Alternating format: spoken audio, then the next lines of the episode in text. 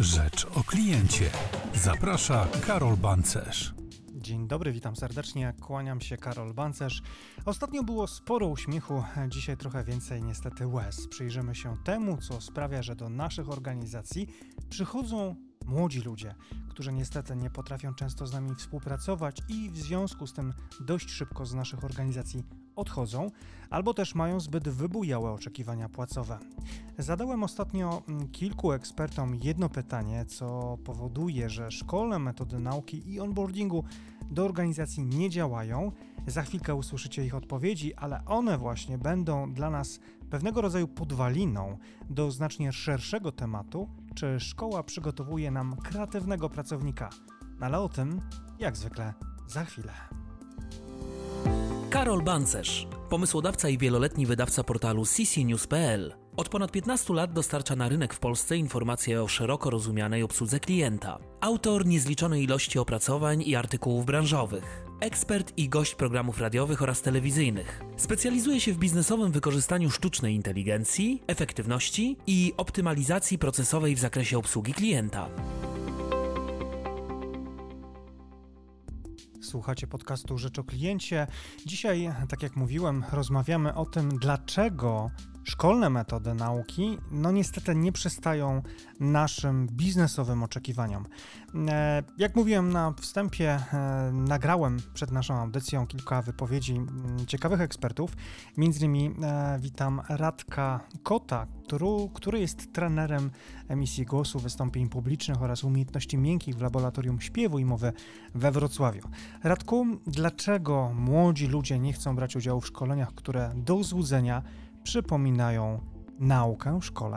Dla mnie to jest prosta sprawa. No, ja mam doświadczenie na ponad 20 tysięcy godzin e, treningu indywidualnego, grupowego, zarówno u nas w laboratorium śpiewu jak i u klienta w firmach. No, I ewidentnie widać na przestrzeni tych 20 lat mojego doświadczenia, jak zmienia się świat, jak zmienia się, zmieniają się źródła, skąd ludzie czerpią informacje, gdzie się szkolą, a, a co za tym idzie również formy i formuła szkolenia. No, przede wszystkim no, my zmierzamy bardzo, bardzo, bardzo szybkim krokiem, jak to widzimy, w kierunku pisma obrazkowego. Lubimy patrzeć, to co, czego szkoła nie daje, co nie dawała do tej pory, gdzie były suche informacje, gdzie były książki o ubogich ilustracjach, może się teraz trochę zmieniło, no ale w dalszym ciągu ten system szkolny na który ja się nie chciałbym wypowiadać na temat systemu szkolnego, bo dla mnie on jest do wymiany w całości praktycznie, e, więc e, to dosyć pejoratywnie, pejoratywne odniesienie do tego, do tego w ogóle systemu szkolnego, tego nazewnictwa. Natomiast co działa na młodych ludzi, na młodych pracowników, no to są rzeczy, które, na których oni wzrastają, na których, których oni są przyzwyczajeni, poszukując różnych informacji, nie tylko z, z zawodowych swoich, a to jest właśnie internet, to jest film, to jest ruchomy obraz, to jest przekaz warsztatowy. Na zasadzie, no nie wiem, dotknij, zobacz, spróbuj, wyjść z tej strefy komfortu przysłowiowej, wykonaj to, a nie siedź i patrz na nie wiem, prezentację. Ale same prezentacje obecnie to już ja sam osobiście uważam, że jestem ciekawszy jako prowadzący niż prezentacja, więc prezentacja tylko podpieram na zasadzie takiego hasła, które tam gdzieś wyświetlam, jakąś grafikę i generalnie reszta dzieje się na zasadzie interakcji i to najwięcej, e, największą daje szansę na pozostawienie jakichś tam śladów znaczących, czy skierowania kogoś na jakąś drogę rozwoju, kiedy on po prostu doświadcza tego wszelkimi zmysłami, czyli po prostu, no nie wiem, e, jest zmuszony, czy zachęcony do jakiejś formy, formy aktywności innej niż ta, którą zna ze szkoły. To dla niego to jest atrakcyjne. On wtedy chce czerpać tak podaną wiedzę. E, no i tak powiedziałem, to dla niego atrakcyjne i chce to robić. Natomiast no jak jeżeli prowadzący wyciąga notatki, odpala prezentację, nie daj Boże jeszcze czyta to, co jest na, na slajdach, no to to już jest dramat. To, to jest dramat, no to jest niedopuszczalne obecnie. Po prostu, jeżeli ktoś tak robi, no to, to zdaje sobie z tego, albo powinien dać sobie sprawę, że no, ludzie, ludzie się wyłączają. Parę minut i to już jest koniec jego skupiania uwagi słuchaczy. Podsumowując, poruszając się po internecie, po nowoczesnych mediach w poszukiwaniu różnych informacji, które są ciekawe dla ludzi, dla młodych ludzi, młodych pracowników, no, natrafiają na, na, nie wiem, na, na vlogi, na blogi, na strony, na kanały internetowe, YouTube'owe, które są zrobione coraz, coraz porządniej, coraz, z coraz lepszą jakością, często też pomysłem, więc trudno oczekiwać, żeby ci ludzie siedzieli plackiem na sali szkoleniowej i słuchali, przyjmowali sucho podane fakty lub byli, lub byli zmuszani do takiego właśnie takiego odbioru wiedzy podawanej im, serwowania im wiedzy. Na zasadzie siedzimy w ławkach i uczymy się z tego, co tam jest wyświetlane na, na slajdach. No to już nie działa. Podcast dla praktyków i ekspertów obsługi klienta. No właśnie, pismo obrazkowe, o którym wspomniał e, nam przed chwilką Radek, to rzeczywiście jest coś, co e, my sami możemy zaobserwować e, w ten sposób, że to właśnie ta młode pokolenie młodzi, e, młode, młodzi pracownicy komunikują się z nami właśnie emotikonami bardzo często i to też jest taki pewnego rodzaju symptom, w jaki sposób e, odbywa się komunikacja z nimi. Ale te same pytanie, tak jak mówiłem, zadałem również kolejnemu naszemu ekspertowi. Jest to Marta Woźnie, Woźny-Tomczak. Jest ona prezesem firmy szkoleniowo-doradczej Personia i psychologiem biznesu który mm, w właśnie tym systemie szkolnym, systemie edukacyjnym widzi pewnego rodzaju ograniczenia. Marto, jakie są to ograniczenia, jeżeli mogłabyś zdradzić? Obserwuję to młode pokolenie wchodzące na rynek pracy od dłuższego czasu, czyli mając e, ponad 14 lat doświadczenia w zarządzaniu swoim biznesem, w rekrutowaniu młodych ludzi, też w szkoleniu tych kompetencji, E, głównie miękkich, które się dzisiaj bardzo dobrze e, w biznesie rozwijają, no to widzę właśnie tej perspektywy wiele takich e, ograniczeń, które, mm, które w naszym systemie szkolnictwa są. Jedną z tych rzeczy jest to, że brakuje absolutnie przedmiotów związanych z zarządzaniem emocjami, z własną energią, z pewnością siebie, z budowaniem takiej samooceny, która jest adekwatna co to znaczy? To znaczy, my dzisiaj w biznesie chcemy y, tak negocjować z klientem, żeby rozumieć empatycznie jego kompetencje, jego możliwości, jego budżety, rozumieć empatycznie naszego szefa, jego możliwości, ale jednocześnie mieć też swoją pewność siebie i umieć zbudować swój autorytet i swoimi emocjami zarządzać w różnym, w różnej życiowej takiej mm, zawodowej sytuacji. Czyli nie tylko z klientem, ze współpracownikiem, y, z księgową, z kimś, kto nas zdenerwował, a musimy, nie wiem, złożyć mu reklamację. I to jest taka, to jest taki pierwszy blok. Bardzo brakuje tego w szkolnictwie i to młode pokolenie, które wchodzi na rynek, y, po prostu mm, w tych kompetencjach czasami się nie odnajduje. To jest szeroko pojęte zarządzanie sobą, stresem, własną energią, poczuciem swojej wartości. To jest jedna rzecz. Druga rzecz, której brakuje, to takie ekonomiczne spojrzenie na swoją sytuację życiową, od planowania finansów, przez oszczędzanie, zarządzanie tym, takie zrozumienie, że w firmie trzeba i zgasić światło, e, kiedy kogoś w tej sali konferencyjnej, w której było wcześniej spotkanie, już nie ma, e, i mm, sprzątnąć papierek, który leży na korytarzu, bo to po prostu też coś kosztuje, czyli od takich błahostek można by powiedzieć, które się finalnie w skali roku, mm, jak się przemnoży przez ilość pracowników, bardzo dobrze e, w Excelu widać te dane finansowe, czyli od takich błahostek poprzez e, poważniejsze tematy, takie jak właśnie zaplanowanie swoich finansów, nie tylko napisanie poprawnie PITA i wypełnienie, ale zaplanowanie swoich finansów, e, czy to się prowadzi własny biznes, czy gdzieś zarządza się działem finansowym, typu działem zakupów, czy działem e, związanym ze sprzedażą. To są też takie, mm, takie ścieżki, które dla młodego pokolenia dzisiaj są bardzo, bardzo łatwo dostępne, czyli bycie programistą na przykład, czy testerem, e, to są często dużo większe pieniądze niż e, rodzice tego młodego pokolenia mogliby sobie wyobrazić na samym początku kariery, no mimo wszystko one mogą się łatwo rozpłynąć. E, bo brakuje takiego przekonania, że mm, za pewne rzeczy trzeba mm, zapracować, mm, trzeba trochę tego swojego wysiłku włożyć, no i że też to jest jakaś odpowiedzialność, która za tymi finansami podąża i gdzieś to tam e, w biurze, czy tak w takim strategicznym podejściu do życia jednak zarządzanie tymi finansami, spinanie budżetu, nie życie z dnia, od dnia do dnia będzie, będzie miało znaczenie. To jest taka, taka druga kompetencja. I taka trzecia rzecz, na którą bym bardzo chciała, żeby zwrócić uwagę, to jest to, że my w naszym szkolnictwie, to młode pokolenie przede wszystkim, jest nauczone funkcjonować według schematu. To znaczy, dzisiaj e, za, mm, na maturze na przykład daje się naszym uczniom punkty za myślenie mm, poprawne w kontekście tego, co autor miał na myśli. No nie zawsze tak jest. E, są umysły, które potrafią być niesamowicie artystyczne, kreatywne, e, potrafią e, wychodzić poza schemat, jest to ogromnym plusem, bo przecież mamy bardzo wiele rodzajów inteligencji. To nie mówi się dzisiaj w psychologii o tym, że mamy tylko inteligencję emocjonalną, że mamy tylko inteligencję logiczną, ale mamy też emocjonalną, mamy inteligencję muzyczną, mamy inteligencję artystyczną, mamy inteligencję sportową, no i nasze szkolnictwo to wszystko chce włożyć w schematy, pod postacią, mm, powiem tak kolokwialnie, jak rozmnaża się pantofelek i jeśli się nie odpowie prawidłowo na to pytanie, no to już tego punktu na maturze czy gdzieś na egzaminie nie ma. A w pracy takiej zawodowej to właśnie myślenie poza schematem jest niesamowitym e, atutem. I takie wyjście z inicjatywą, taka proaktywność niesamowicie ceniona w pracy, że zawsze na przykład pakowano paczki w ten sposób, pakujmy dzisiaj te paczki inaczej, czyli nie co autor miał na myśli, czyli szef e, prowadzący firmę od 15 lat, co miał na myśli, ale powinno się właśnie e, uczyć wychodzenia poza taki schemat i takiej przebojowości, żeby mówić, szefie, może zrobimy to inaczej. Więc to są te tematy, o których chciałam powiedzieć. O, no właśnie, brak zajęć z zarządzania emocjami, e, realną samooceną, budowa autorytetu, no i oczywiście umiejętności zarządzania samym sobą. To przed chwilką Marta wspomniała.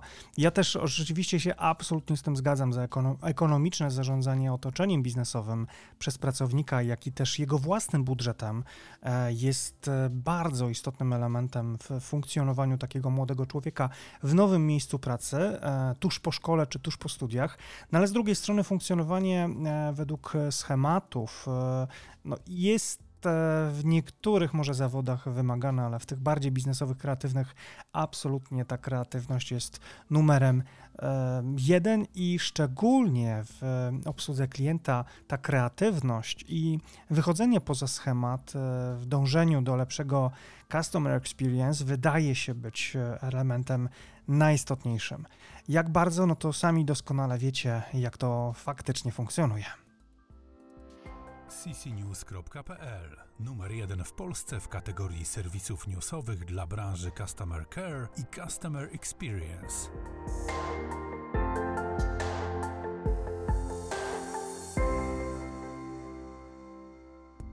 Takie samo pytanie zadałem również Marcinowi Świerkowskiemu, trenerowi biznesowemu, coachowi, konsultantowi branży HR, który od 20 lat tym tematem się zajmuje. Jest też Marcin wykładowcą akademickim i jego zdaniem szkoła powinna być jaka? No właśnie, posłuchajmy, co ma na ten temat do powiedzenia Marcin Świerkowski. Mam kontakt z osobami, które, które się uczą i które jako, jako wykładowca akademicki zdaję sobie sprawę z jednego, z tego, jak daleko nam jest do tego, aby pewne rzeczy, które są powiązane z tym, aby nasze cechy osobowościowe były adekwatne do tych potrzeb, które mają pracodawcy, aby to przekuć na coś, co będzie sukcesem dla właśnie tych osób, które wchodzą na rynek. A Jaka obawa jest u mnie i z czym ja sam się spotkałem, e, będąc w naszym lokalnym polskim systemie edukacji, nie sprzyja to naturalnym procesem uczenia się i temu, abyśmy się twórco rozwijali. Tego doświadczyłem dopiero będąc w korporacjach, w korporacjach zachodnich, zagranicznych, gdzie pozwolono mnie na to, aby ten potencjał, który ja mam w sobie, abym mógł ja rozwijać. Szkoła niestety nie uczy tych umiejętności, nie przystosowuje cech osobowościowych osoby, jednostki do wyzwań, które są na rynku. Dla mnie najważniejsze w szkole jest jedno jest myślenie. Myślenie, które, którego celem jest to, abyśmy myśleli logicznie, krytycznie, ale i analitycznie. Warto moim zdaniem uczynić to priorytetem. Czym ja się borykam z tym, że w szkole za moich czasów ta edukacja była nastawiona na to, abyśmy jak najwięcej zapamiętali. Zapamiętali i otworzyli. Otworzyli, ale bezrefleksyjnie. Po prostu pamięciówka. I to było oceniane. I dalej to jest oceniane niejednokrotnie e, w szkołach. Warto jest w związku z tym zmienić ten e, system szkolny, pozwolić e, dzieciom, dzieciom na to, aby chociażby pracowali w podgrupach kilkuosobowych, maksymalnie czteroosobowych, tak aby każda osoba była jakąś wartością w tej grupie, kiedy pracujemy nad jakimś zadaniem. A warto jest również umożliwić dzieciom możliwość tego, aby samodzielnie e, były zachęcane do selekcjonowania informacji. To nie zawsze ma miejsce, bardzo często jest narzucane przez nauczycieli, bez znowu możliwości uruchomienia tego potencjału, który jest u osoby u jednostki, tak pozwolenia dziecku na to, aby było innowacyjne, aby było kreatywne. A warto jest e, znowu również pozwolić sobie na to, abyśmy pracowali, kiedy już pracujemy nad jakimiś zadaniami, abyśmy pracowali projektowo. Projektowo i procesowo, tak aby e, dzieciaki miały taką możliwość, aby widziały, co poprzez jakie zadania poprzedzają kolejne zadania, po to, aby umożliwić dzieciom realizację nie tylko tego, e, tego celu, ale również pozwolić im na to, aby cały czas myślały gdzie się najlepiej uczymy, uczymy się od rówieśników. Trzy mury szkolne nam na to pozwalają nie zawsze. Gdzie wychodźmy? Wychodźmy, zwiedzajmy, bądźmy obecni w tego rodzaju miejscach, którym jest nie tylko sama natura, ale również chociażby muzea, które pozwalają nam na to, abyśmy w sposób interaktywny wszystkimi zmysłami, wszystkimi pięcioma zmysłami byli w stanie objąć tę rzeczywistość. Tego mi brakowało zawsze, kiedy ja sam byłem w szkole. I to pozwólmy dzieciom na pewnego rodzaju zamianę ról. Zamianę ról taką, aby e, czasami te wykłady, które są prowadzone przez nauczycieli, były prowadzone przez same dzieci.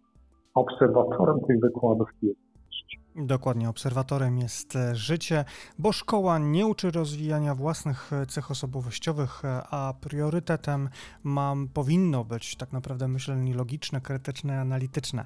Marcin wspomniał jeszcze o tym, że w szkole panuje nadal bezrefleksyjna pamięciówka, która na pewno takie też moje jest zdanie, szkodzi kreatywności, bo tak naprawdę premiuje się tylko i wyłącznie zapamiętane wiedzę podaną schematycznie.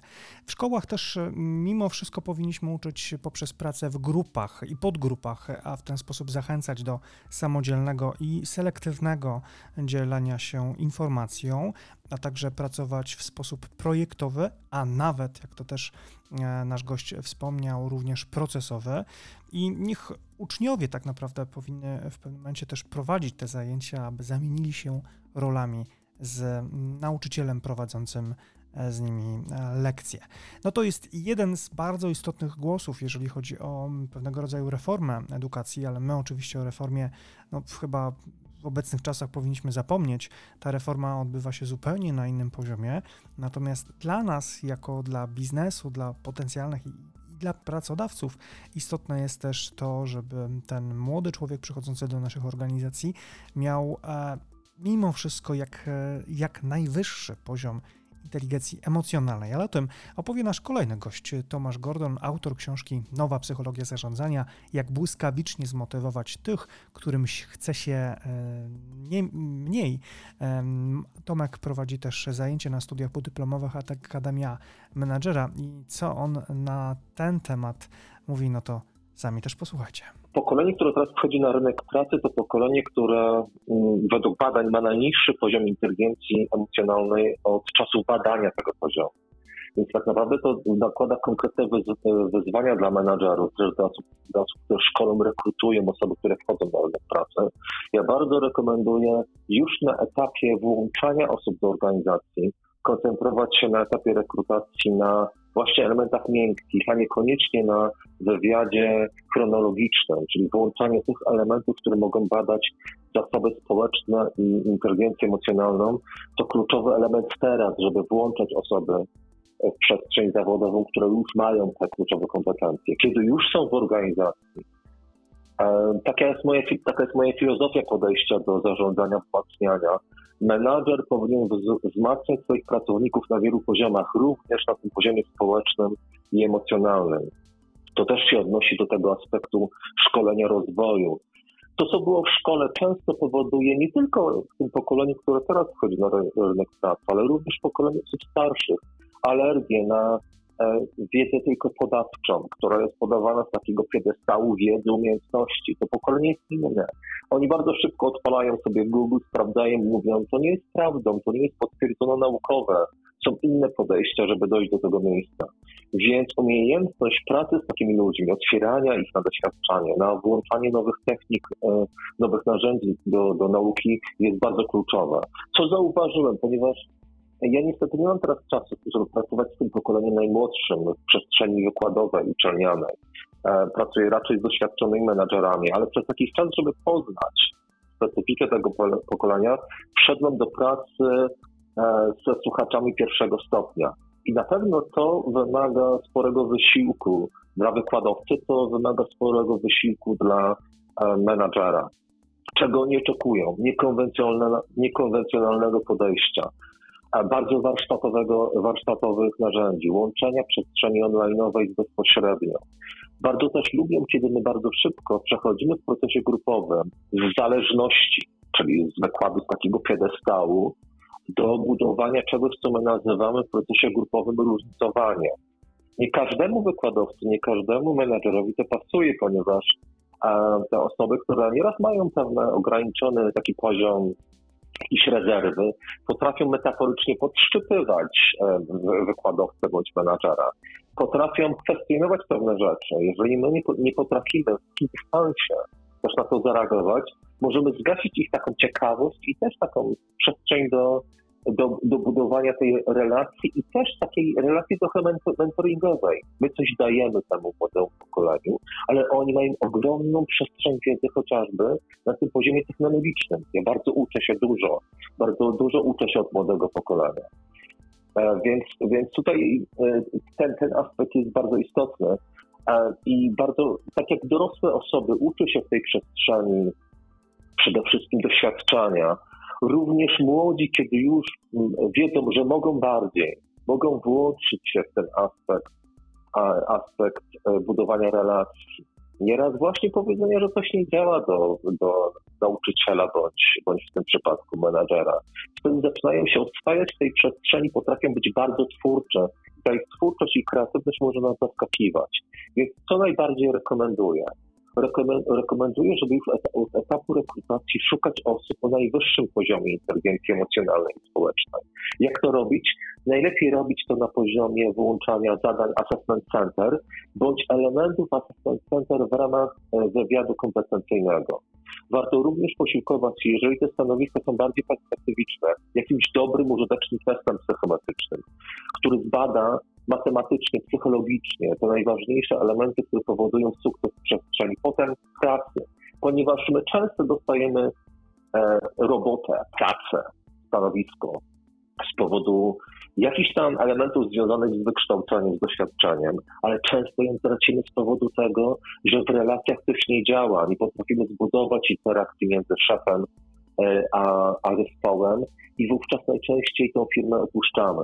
Więc warto to badać na tym etapie najbardziej kluczowym. Później, gdy ktoś już wchodzi do organizacji, proponuję, żeby na początku wyłączać działania mentoringowe, to znaczy szef jest ekspertem, wspiera, wchodzi w analizę transakcyjną i w buty tak zwanego menadżera bądź rodzica wspierającego sponsoruje, czyli przekazuje komunikaty wzmacniające. Nieraz oni tego nie słyszeli w szkole, nieraz nie, nie usłyszeli w domu, albo nieraz słyszeli paradoksalnie tego zbyt dużo, mają takie różowe okulary, ale kiedy już pójdą, wejdą w ten etap wdrażania się, my to nazywamy inkubowaniem, warto włączać działanie w przestrzeni korygowania. Niepołączenie tych dwóch elementów może spowodować niestety porażkę. Korygowanie polega na tym, że na początku zauważamy te dobre rzeczy, wzmacniamy je, ale żeby pracownik mógł się rozwijać, miał tą przestrzeń zarysowaną pewnych ram, warto korygować go, włączać strefę wpływu i również ją eksploatować w przestrzeni działań szkoleniowo-rozwojowych. Kiedy my przekazujemy wiedzę podawczą, niestety, kiedy mówimy, że tylko to zadziała, taki pracownik młody może to wziąć, nawet zweryfikować, ale potem może to wyrzucić i niestety nie włączy żadnej refleksji. Powie, nie działało, nie funkcjonowało, to jest twoja wina. Jeżeli nie wyłączymy jego na poziomie dorosły-dorosły, znowu pojęcie z analizy transakcyjnej, kiedy nie włączy się po jego stronie odpowiedzialność i wolność. Dwie najważniejsze kompetencje dorosłej osoby w analizie transakcyjnej. To niestety on najpewniej nie zaangażuje się w pracę i też wiedzę które może otrzymać w ramach warsztatów jakichkolwiek praktycznych, mniej praktycznych, online'owych bądź bezpośrednich.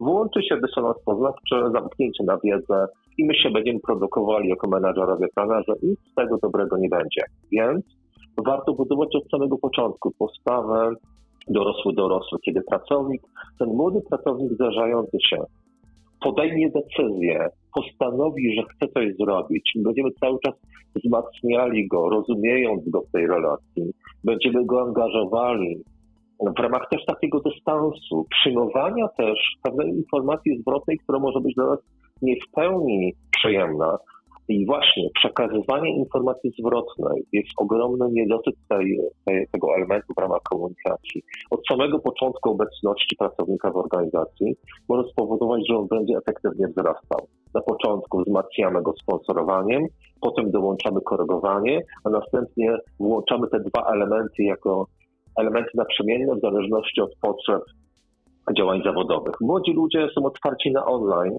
i tutaj my możemy swobodnie łączyć te dwie przestrzenie.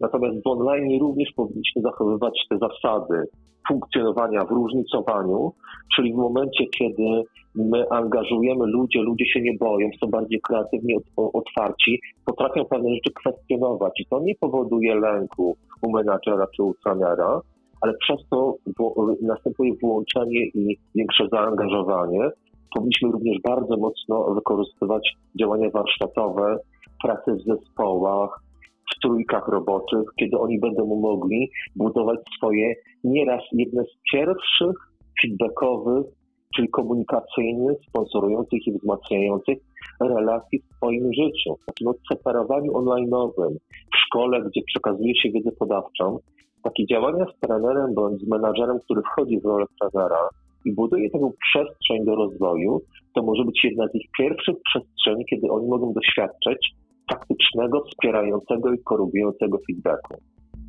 Podcast dla praktyków i ekspertów obsługi klienta. No właśnie, to bardzo istotne i bardzo ważne słowa, które przed chwilką padły z ust Tomka Gordona. Ja się absolutnie z nimi też zgadzam, bo młodzież chodząca na rynek pracy ma, tak jak już wspomniałem, i on, i zresztą ja również, ma najniższy poziom inteligencji emocjonalnej e, i to powoduje pewnego rodzaju wyzwania.